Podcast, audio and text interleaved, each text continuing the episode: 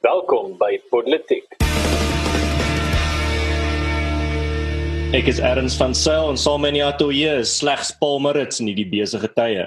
En in vandag se episode Gareth praat hard, kleredrag reëls benard en Obama Gate ondersoek op pad. Ja, ek spring weg met ietsie wat regtig verskriklik interessant was. Um ons weet in Suid-Afrika is daar die program The Big Debate wat deur Reddit klaar weer aangebied word en dit is 'n redelike um dis 'n oulike program partykeer weet hulle laat regtig moeilike uh, uitsprake toe of hulle bespreek moeilike onderwerpe wil ek amper sê. En uh, Gareth Cliff het onlangs 'n brief geskryf waarin hy die Suid-Afrikaanse president kritiseer van 'n klomp goeters um, en waar hy eintlik die hele wyse waarop die die inperkingstyd um, hanteer word kritiseer. En toe is hy op 'n virtuele debat met Reddy en 'n uh, 'n man met die naam wel 'n persoon met die naam Jamil Farouk. Ek ek weet nie hoe identifiseer die persoon nie, maar hy het respek uit sy nou net 'n persoon. Ehm um, en dit het toe gegaan oor ehm um, eintlik maar oor die huidige toestand en of 'n mens oor die ekonomie met oopmaak en al die lewens wat dit gaan kos om dit nie te doen nie. Ehm um, en die debat was regtig eintlik ek ek moet ek die ander persoon jammer gekry. Gareth het heeltemal op intellektuele vlak om oor hom kom. Um, en dit het op 'n punt gekom waar daar soveel ad hominem argumente na Gerrit toe gegooi is. Um, hy is byvoorbeeld uh daar son hom gevra maar hoe kan hy nie omgee vir mense se lewens nie en hy met 'n lys produseer van al die mense wat hy wil hê moet doodgaan. Um, en die interessante van uh, interessantste van alles, erns ek weet ek weet dit is ook iets wat wat jy nogal so spesialis op is, is die reaksie van die media daarop gewees. Die interessante ding vir my was het al hierdie mense wat uh, ek het 'n klomp van hulle nou gevolg op sosiale media en die reaksie is vir my super interessant. Ehm um, totdat hulle my uiteindelik blok. Maar mense wat sê nee, daar's op hierdie ou gepik en dit was 'n setup. Hulle wou hom net laat sleg lyk like, en al die goeders. Intussen tyd was hy regtig onvoorbereid en hy is een van die beste debatteerders in die land. Ek weet nie Aaron sien jy dit anders as ek of, of stem jy saam? Nee wat uh, ek dink jy's ek en ek en jy sien dit tot deur dieselfde lens. Um, ek vind dit net snaaks dat hy het toe op die ou en die die uh Jamil um persoon wat uh, Gareth teen gedebatteer het, het op die ou end op sosiale media die volgende dag gaan en lyk like my hy was so verneder deur die nederlaag wat uh, Gareth Cliff op hom uh, losgelaat het dat hy toe daar begin beweer het dat hy was geambush of dat hy nie hy het nie geweet hy gaan debatteer teen Gareth nie uh, op 'n program met die naam The Big Debate. So dis net vir my baie vreemd en bietjie snaaks. Maar dan ook vir my net hier, ek dink hieso is waar jy daaraan geraak, maar ek sal graag daarop wil uitbrei is die verskil in reaksies wat ons hier gesien het tussen twee groepe mense. So aan die een kant het jy die akademici en die media, uh, nie almal binne in daai groepe nie, maar daar is 'n 'n trend binne in daai groep wat jy kon sien dat hulle het dit gesien as hierdie ou wat ehm um, regtig uh, die die die Jamil het uh, vir Gareth aangevat en vir hom op sy plek gesit en vir hom gesê maar uh natuurlik is uh, Gareth 'n wit man so natuurlik sal hy sulke opinies hê. En en dit dit is die soort uh idee wat jy van die kommentaar af gekry het. En dan aan die ander kant as jy na die kommentaar seksie van die video gaan kyk, nou daar's nou al oor 3000 kommentare van Tech laas daar gaan kyk het. En dan gaan kyk jy na daai kommentaar seksie en jy sien dat ek sal sover gaan as om te sê 95% van die kommentare as dit nie meer is nie uh sê net wat se absolute grap Jamil is. Um sê vir Gareth het goed gedoen. Baie van hulle sê hulle hou nie van Gareth Cliff nie, maar hy het hierdie uh, debat gewen. Baie sê die um die aanbieder was baie onprofessioneel want sy het ook kant gekies teen Gareth. Um baie van die mense in die kommentare wit, swart van alle rasse sê dat uh, Gareth het hierdie dag gewen en dat Jamil regtig uh, goed op sy plek gesit was en verneder is. En ek dink wat ons hierso sien, ek dink dis die belangrike ding is ek dink nie ons sou so reak. Ek was verbaas om te sien hoe baie mense Gareth se kant vat in die kommentare. Maar ek dink nie ons sou so 'n reaksie voor COVID-19 gesien het nie. Ek dink as as mense in 'n krisis is, dan begin hulle nie meer soveel omgee oor die onbenullige klein krisisse wat ons altyd oor gestry het op sosiale media of wat hulle altyd oor 'n uh, bietjie uh, gegis het uit die mond uit oor op sosiale media van die koerante soos byvoorbeeld 'n uh, wit voorreg of uh, jou opinie maak nie saak nie want jy is 'n wit man nie. Ehm um, ek dink as jy eers binne 'n krisis is, dan kom jy agter maar daai goedjies gaan ek dis bietjie luukse ehm um, goed om oor kwaad te wees op die oomblik. Dit kan ons los vir later. Ons het nou regte probleme. En ek dink dis wat ons hier gesien het. Dink dis kom ek voorgestel het dat ons oor hierdie uh onderwerp praat op hierdie episode, want ek dink dit is so belangrik om te sien hoe die die die tydsgees van Suid-Afrika verander het met die aankoms van die Grendelstaat met die aankoms van die van die siekte self en 'n regte waarlike krisis. En om te sien hoe mense dan net hulle klein soos ek nou wel dit sal sê of hulle hulle onbenullige of luukse krisisse wat hulle altyd oor uh bekommerd was of oor op sosiale media gepraat het uh maar net by die venster uitgegooi het en dit maar op ys gesit het vir later. Ja, ek dink dit was my interessant tog dat 'n klomp mense toe nou na die tyd 'n klomp goed oor ras te sê gehad het en oor interseksionaliteit in jou keuse van jou geslag en ek weet nie hoe relevant dit in die debat was nie. So dit is tog daai ding wat ons gereeld oor praat dat mense so bietjie probeer om 'n slagoffer te wees en omdat jy 'n slagoffer is kan jy dan deeg syne uitstuur. Ehm um, wat wel vir my interessant is en, en ek dink ons ons praat baie daaroor Ehm um, miskien vir as politiek luisteraar in die, die toekoms gaan ons dalk nog 'n bietjie meer praat oor hierdie onderwerp. Ehm um, maar iets wat ons die laaste tyd baie oor praat is is postmodernisme, die gedagte dat jy weet jy het jou live truth en ek het dit wat vir my waar is en jy dit wat vir jou waar is en ek kan niks vir jou sê en jy kan niks vir my sê. Die probleem is dat ehm um, die die die probleem is dat uh, ons sit op hierdie stadium met die groot uitdaging ehm um, dat ons regtig kan sien dit kan nie die waarheid wees. Dit kan nie waar wees ehm um, dat twee mense verskillende waarhede kan hê in terme van die virus. Hierdie ding laat homself nie toe om gemeet te word in terme van syfers of laat hom nie toe om gemeet word enigiets anders as syfers nie. Hy laat hom nie meet in gevoelens nie. Hy laat hom meet in feite. Ehm um, en dis baie moeilik dink ek vir hierdie postmodernistiese ouens om nou ewe skielik ehm um, jy weet hulle hulle idee van die wêreld hier op af te druk want hierdie virus werk nie so hy gee nie om hoe jy voel nie. Um, as mens so 'n bietjie kan teruggaan op Ben Shapiro se maksim wat hy altyd sê, die, die feite gee regtig nie om hoe jy voel oor ehm um, net postmodernisme of die kleur van iemand se vel. Hmm. Dit maak net ewe skielik nie meer saak nie.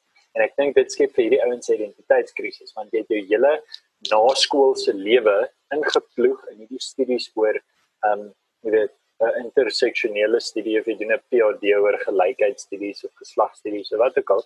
Ehm um, iets dis en ek dink daai is absoluut irrelevant. Kritieke rasstudies. Ja, ek meen wat maak dit jou relevant om te praat teen een van die grootste nuusouens in die wêreld wat elke dag met feite te doen kry.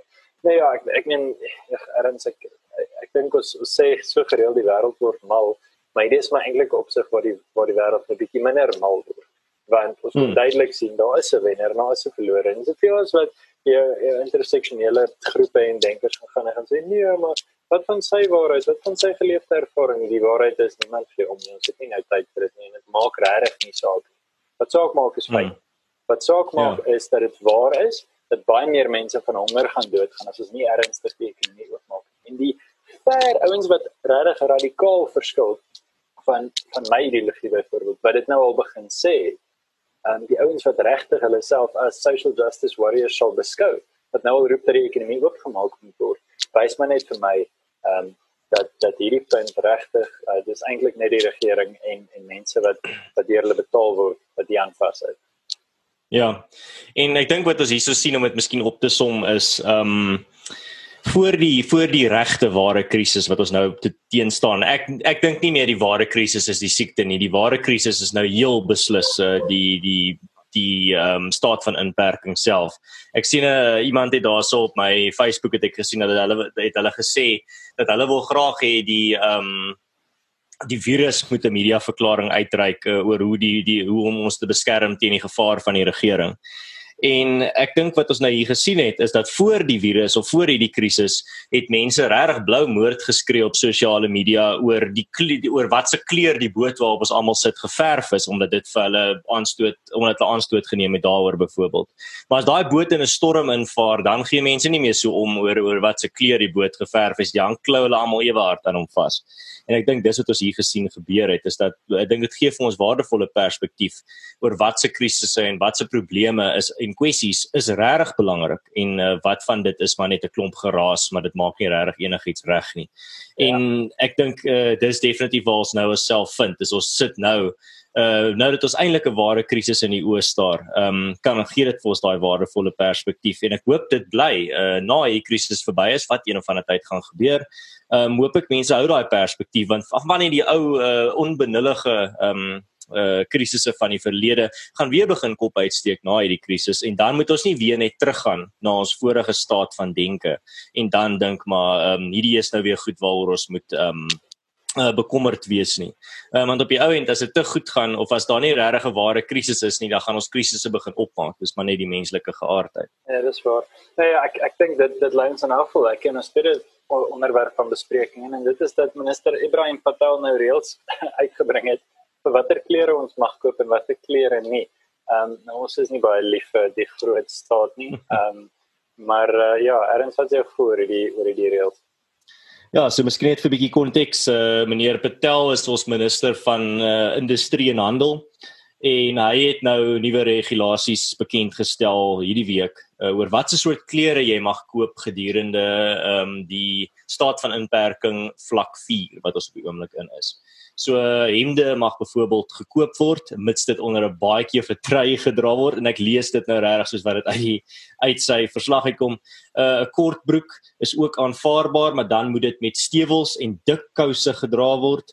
Uh skoene mag ook verkoop word, maar net as die tone bedek word.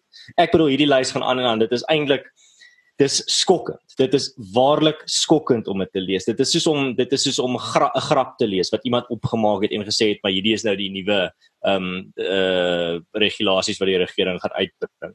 Maar dit is regtig en dit is wat dit so ontstellend maar ook so snaaks maak. Is net hierdie ehm um, wel dis dis tipies van die die wat ons nou al verlang op hierdie program sê van die die kommunistiese geaardheid van alles elke klein dingetjie in detail probeer uh, manipuleer en beheer in mense se lewens en die staat uh, en hulle droom is om 'n polisieman in elke huis te hê. Ehm um, en dis wat ons nou hierso sien is uh dat hulle wil selfs beheer wat se soort klere jy mag koop asof dit enige effek op die virus gaan hê. En wat ek nou sien, die heel snaakste ding, miskien net 'n klein ehm um, uh detail daarso voordat uh, jy inspring Paul is uh iemand wat die wat die staat van inperking baie passiefvol ondersteun het en iemand wat uh mense in die straat foto's geneem het van mense wat draf en dit op sosiale media gesit het en gesê het by hierdie mense moet gearresteer word. Meneer Nicholas Bauer wat almal baie van ons luisteraars ken het ver oggend op Twitter eintlik nogal uh, baie benoud gesê maar hy voel nou nie meer so gemaklik met hierdie regulasies nie. En ek neem aan dit is weens nou uh, hierdie uh, nuwe regulasies oor klere wat gekoop mag word. En die uh, en net soos in die debat tussen meneer uh, Jamil en Gareth Cliff het ook die antwoorde net op sy tweet is net mense wat vir ons sê maar dit is waarvoor jy gevra het. Ehm um, jy moes versigtig gewees het waarvoor jy gewens het. Uh jy kry wat jy verdien. En ek dink dit wys ook maar net daai daai tydsgees uh verskywing wat nou op die oomblik aan die gang is. Ja weet jy ehm um, dis goed. Ek dink mens moet altyd jy weet uh, mens mens moet dinge probeer ondersoek. As ons by Sokrates se maksim kan bly 'n uh, lewe wat nie ondersoek word nie is nie om te werk nie. So kom ons vra vir onsself, né? Nee? Ek meen ek ek myself nie voorhou as jy nog 'n kenner nie. Ek en jy het al twee ehm um, ek het meestersgraad, besig met nog een jy het besig met 'n meestersgraad. Jou onderwerpe dink ek is baie meer kompleks as myne. So ehm um, maar okay, so ons het ons het al bietjie boeke of twee gelees in ons lewe en hier is my vraag. Hoekom sou jy hierdie doen? Ek meen uit kom uit kom ons dink uit 'n taktiese oogpunt.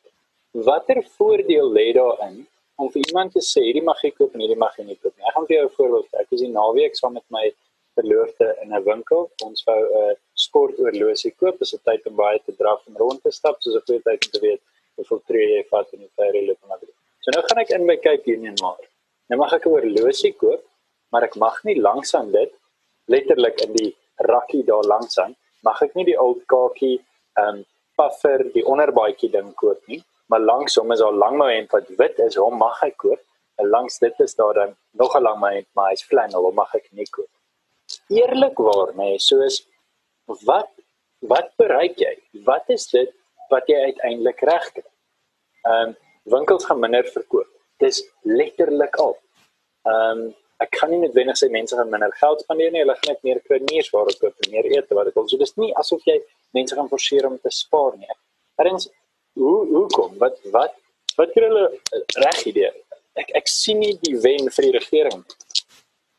Ja, ehm um, ek self worstel nou vir 'n tydjie in terme van om die ANC te verstaan, moet jy eintlik probeer in 'n kop en klim. En ek worstel met met tussen besluit of hulle uh, takties baie slim is en of hulle onnosel is en of hulle maar net uh, ideologies besete is. En ek dink ek leun al hoe meer net na ideologies besete waar dit is regtig uh, soos om 'n demoon in jou liggaam in te laat inkom as as jy ideologie al jou denke vir jou laat doen.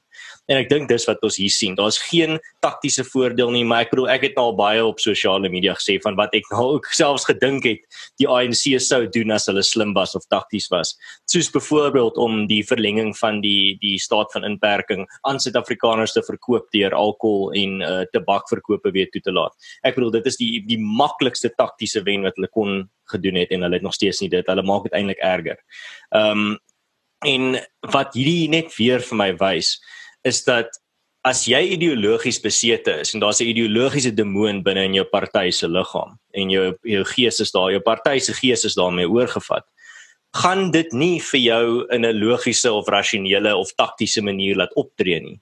Jy gaan optree in 'n manier wat daai ideologie vir jou sê hoe jy moet optree. Maak nie saak hoe onbenullig dit is nie. En jy sien dit in Noord-Korea, jy sien dit in China, jy sien dit in Kuba, jy sien dit in Iran, en jy sien dit nou hier in Suid-Afrika. Jy sien dit in al die vriende van ons land se regering se lande. En hulle almal het tot elkeen tot verskillende mates dieselfde ideologiese siekte. Hulle almal is deur dieselfde ideologiese demoon beset deur in, in op een of ander manier tot sekere mates. En daai demoon laat hulle sekere goed doen wat heeltemal irrasioneel is en jy kan dit nie verstaan nie. Dit is soos om iemand wat uh iemand wat 'n uh, uh 'n geestesversteuring het te probeer verstaan. En dit is wat hier aan die gang is dink ek, want ek kan nie daar's geen taktiese manier wat ek dit kan verduidelik nie. Daar's geen strategiese of intellektuele of uh heel net praktiese rede hoe ek hoe ek dit kan verduidelik nie. Die enigste manier hoe ek dit kan verduidelik weens dat ek dit sien in ander lande wat dieselfde formule as ons volg, sê vir my dat dit is iets met ideologie te doen eerder as met pragmatiese oplossings of met een of ander al, al is dit 'n 'n pragmatiese oplossing wat net die ANC baat. Ehm um, want hierdie baat definitief nie die ANC nie. Dit baat maar net hulle ideologiese want of hulle absolute uh ideologiese drog ehm um, wat hulle drog gedrag. En so dit is vir my dit soos ek sê uh, om miskien af te sluit, dit is soos om iemand wat 'n uh, uh, 'n geestesversteuring het te probeer rasionaliseer. Um, ek dink nie dit is moontlik nie. Ja, ek meen ja, so ek ek moet eerlikwaar dit dit is absurd. Ek moet eerlik vir jou sê as mens nou soek vir voordele hier. Ek kan nie onthou wanneer laas was die Suid-Afrikaanse populace so verenig agter 'n saak soos dat hulle wil ons met met afskaal na vlak 2, vlak 3 toe. Miskien met jy weet payback the money wat ons self binne binne die ANC gesê Zuma moet gaan dat met Zuma must fall ehm um, was die land redelik verenig maar het maar nog steeds stemme teen dit gekry. Ek kry nou die gevoel weet regtig die land is sterk verenig hier agter. Um, ouens wat onder normale omstandighede glad nie mekaar sou saamstem nie. Stem saam dat ek nie loop gemaak nie hoor. Kusatu sê ons moet na na vlak 2 toe gaan. ja, so nee, ag um, maar nou ja, miskien is dit eh, 'n uh, 'n goeie tyd om te sê dit is dit is 'n die die maksimum punt van Suid-Afrikaanse politiek vir die week. En miskien is dit tyd om bietjie te kyk na Amerika. Nou, Ernst, ek weet jy is nogals ingelees by Amerikaanse politiek. Ek hou van om net te boog te bly van sake. Ehm um, ons weet dat president Trump nou op sy Twitter profiel onlangs die woord Obama Gate baie bekend gemaak het. En daar's heel party mense wat dink hy te punt weet. Uh sy bewering natuurlik is dat uh in die oorgangstyd tussen hom en president Obama was daar ondersoeke geloods deur die Obama administrasie in hom en en dat daar wederregtelike ondersoeke gepleeg is of dat daar oortree is. Um die kan ek sê die meer demokratiese kant van die media, die kant van die media wat meer na die Democrat party geneig, sê nou ja, maar Trump dink hierdie goed op en jy weet hy weet self nie wat dit is nie en so aan. Maar daar's tog geldige punte om te maak dat dit duidelik is dat dat daar ondersoeke in sy privaat lewe in gemaak is. Um wat wat nie heeltemal bo die tafel kon gebeur het nie. Hoe lees jy die hmm. Ja, en ek dink ons almal het nou die die hoofstroom media of meer die linkse media in in Amerika. Ek ek uh, meng ek maak raak hulle mekaar tussen die twee. Ehm um, wat daarso aan die gang is is wat ek sien hulle probeer dat hulle wil hê mense moet vergeet van die hele Rusland uh, ondersoek iets wat die Suid-Afrikaanse media ook self baie behep mee was en nou glad nie meer oor praat nie aangesien daai ondersoek nou uh, voltooi is en hulle het niks gevind nie. Uh, maak nie saak van jare se se ondersoek in die president in nie. En ek dink wat in hierdie en hierdie hele Obama gate ding is daaraan uh, gekoppel. Nou ek moet self bieg ehm um, in hierdie tyd van staat van inperking het ek nou nie regtig die die Amerikaanse politiek met so valk oog dopgehou soos wat ek altyd doen nie. Ek vind eintlik ons uh, plaaslike gebeure baie meer interessant en relevant want dit affekteer my en my gesin en my vriende se lewens. Maar wat ek wel daarso sien is dat kom okay, kom ons vat net die die basiese konteks van wat hier gebeur het. Die die aantuiging is die bewering is dat uh, president Obama en sy administrasie ehm um, die FISA-stelsel gebruik het om uh, 'n warrant te kry dat hulle kan afluister op uh, Donald Trump en sy kampanje. Uh, en hier is nou daar's nou stadig bewyse besig om uit te lek van dit wat nogal uh, baie baie sleg lyk vir Obama. Maar dan die groot vraag en en dit nou eers apart te los. Die groot vraag is dan gaan dit uh, wetlike gevolge of gaan en gaan dit politieke gevolge hê? wetlike gevolge soos in terme van Obama wat uh ondervra word of in die hof verskyn wat ook al? Nee. Uh absoluut nie. Ek dink daar's glad nie 'n kans daarvan nie. Um ek dink jy daar gaan enige wetlike gevolge hiervan wees politieke gevolge uh beslis. Um as jy kyk na die 2016 uh Amerikaanse verkiesing een van die groot goed wat Donald Trump gebruik het om sy volgers by sy uh, bymekaarkomste op te sweep was die uh deur te te sê ons gaan vir haar opsluit en praat nou van eh, Hillary Clinton. En dan het hulle saam met hom dit gechant. En wat gaan in hierdie en hierdie jaar is nou weer 'n verkiesingsjaar. Uh, wat voorspel ek gaan hy hierdie jaar doen? Um, hy gaan maar net 'n lock her up verander in lock him up. Uh, nie dat daar enigiets van dit gaan kom nie nie dat daar dat hierdie net uh, dat die enige um, uh ondersoeke of uh gehore of enigiets hier uh, verhore gaan uitkom nie. Maar dit gaan 'n baie sterk populistiese ehm um, uh mat uh tool vir hom wees op die ou end om uh, in die ver in die verkiesing wat hierdie jaar gaan gebeur te gebruik. En ek dink dit gaan baie effektief wees. Ehm um, maar ja, dit is dis maar my analise daarvan. In terme van ek dink nie mense moet as jy 'n Trump aanhanger is uh, of miskien 'n internasionale luisteraar is wat in Amerika sit, uh sal ek nie te veel hoop op sit dat daar iets gaan gebeur in terme van uh Obama wat enige gevolge gaan sien daarvoor in terme van wetlike gevolge nie maar uh die die verkiesing het nou net baie meer interessant geraak in terme van die retoriek wat ons gaan sien en die die populistiese retoriek veral wat ons gaan sien van uh Trump se se veldtogspan af. Ja, dis waar nee, ek dink die um die afstand tussen die die, die Republikeine en Demokrate het in die laaste kom ons sê 5 jaar het dit, het dit drasties groter geword. Um jy weet kwessies soos byvoorbeeld die versterking van grense en so aan wat die demokrate histories pro was omdat Trump dit so sterk ingeneem het dat hulle ook eintlik teen sulke goed begin staan dat hulle eintlik vir 'n lang tyd pro was en teen 'n klomp van die kampe op die grense deur president Obama self um opgerig deur sy administrasie. Maar ek ek dink die, die lank en die kort die, van die punt wat jy maak is dat by verre die meeste mense gaan nie noodwendig die beleid lees nie.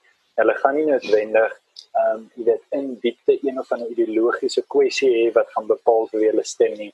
Hulle gaan uiteindelik maar net stem vir die persoon wat hulle ken, stem vir die persoon wat hulle glo of stem vir die persoon wat se hmm. boodskap die sterkste deurkom. En ehm um, ja. Ek dink mense kan van president Trump sê net dat hy lus is, maar dat hy weet hoe om jy weet homself in die media te hou, dit sy positief of negatief en hoe om die narratief te domineer. Ek bedoel kan jy ek besef ons het nie politiek het nie bestaan voor president Trump president is, maar kan jy jouself indink dat enige ander president homself op so 'n manier in die hoof van die media gehou het vir 4 of 5 jaar? Ehm um, ja. Dit is ongelooflik. Dit vandat hy in in die in die middel en omtrent presies 5 jaar terug is, maar in die middel van 2015 gesê het jy weet hy gaan nou regtig hierdie keer van hy staan vir president van daai dag af basies kon jy kon jy elke dag eers een of ander storie oor hom kry. Ehm um, jy weet hmm. populêre tydskrifte skryf oor sy vrou se klere, daar word spekulasies gedoen om goed of sleg. Ek vind dis die ou domineer die wêreld se media. En uh, ek dink hmm. soos hy sê dat jy weet as jy al klaar die hele stroom agter jou het, het sy vir of teen jou, maar as jy die stroom agter jou het, is baie maklik om in 'n rigting te druk. Ehm um, nou ja, uh Erns al finale gedagtes van jou of wil jy vir ons 'n bietjie goeie nuus bring? Uh nee wat uh, kom ons gaan maar in die goeie in. Ek dink dit is 'n uh, hoogtyd dat ons bietjie weer 'n blinkkant bo vir mense gee en ek's bly dat ons het elke week 'n blinkkant bo om vir ons luisteraars te gee. Ek dink dit is baie belangrik.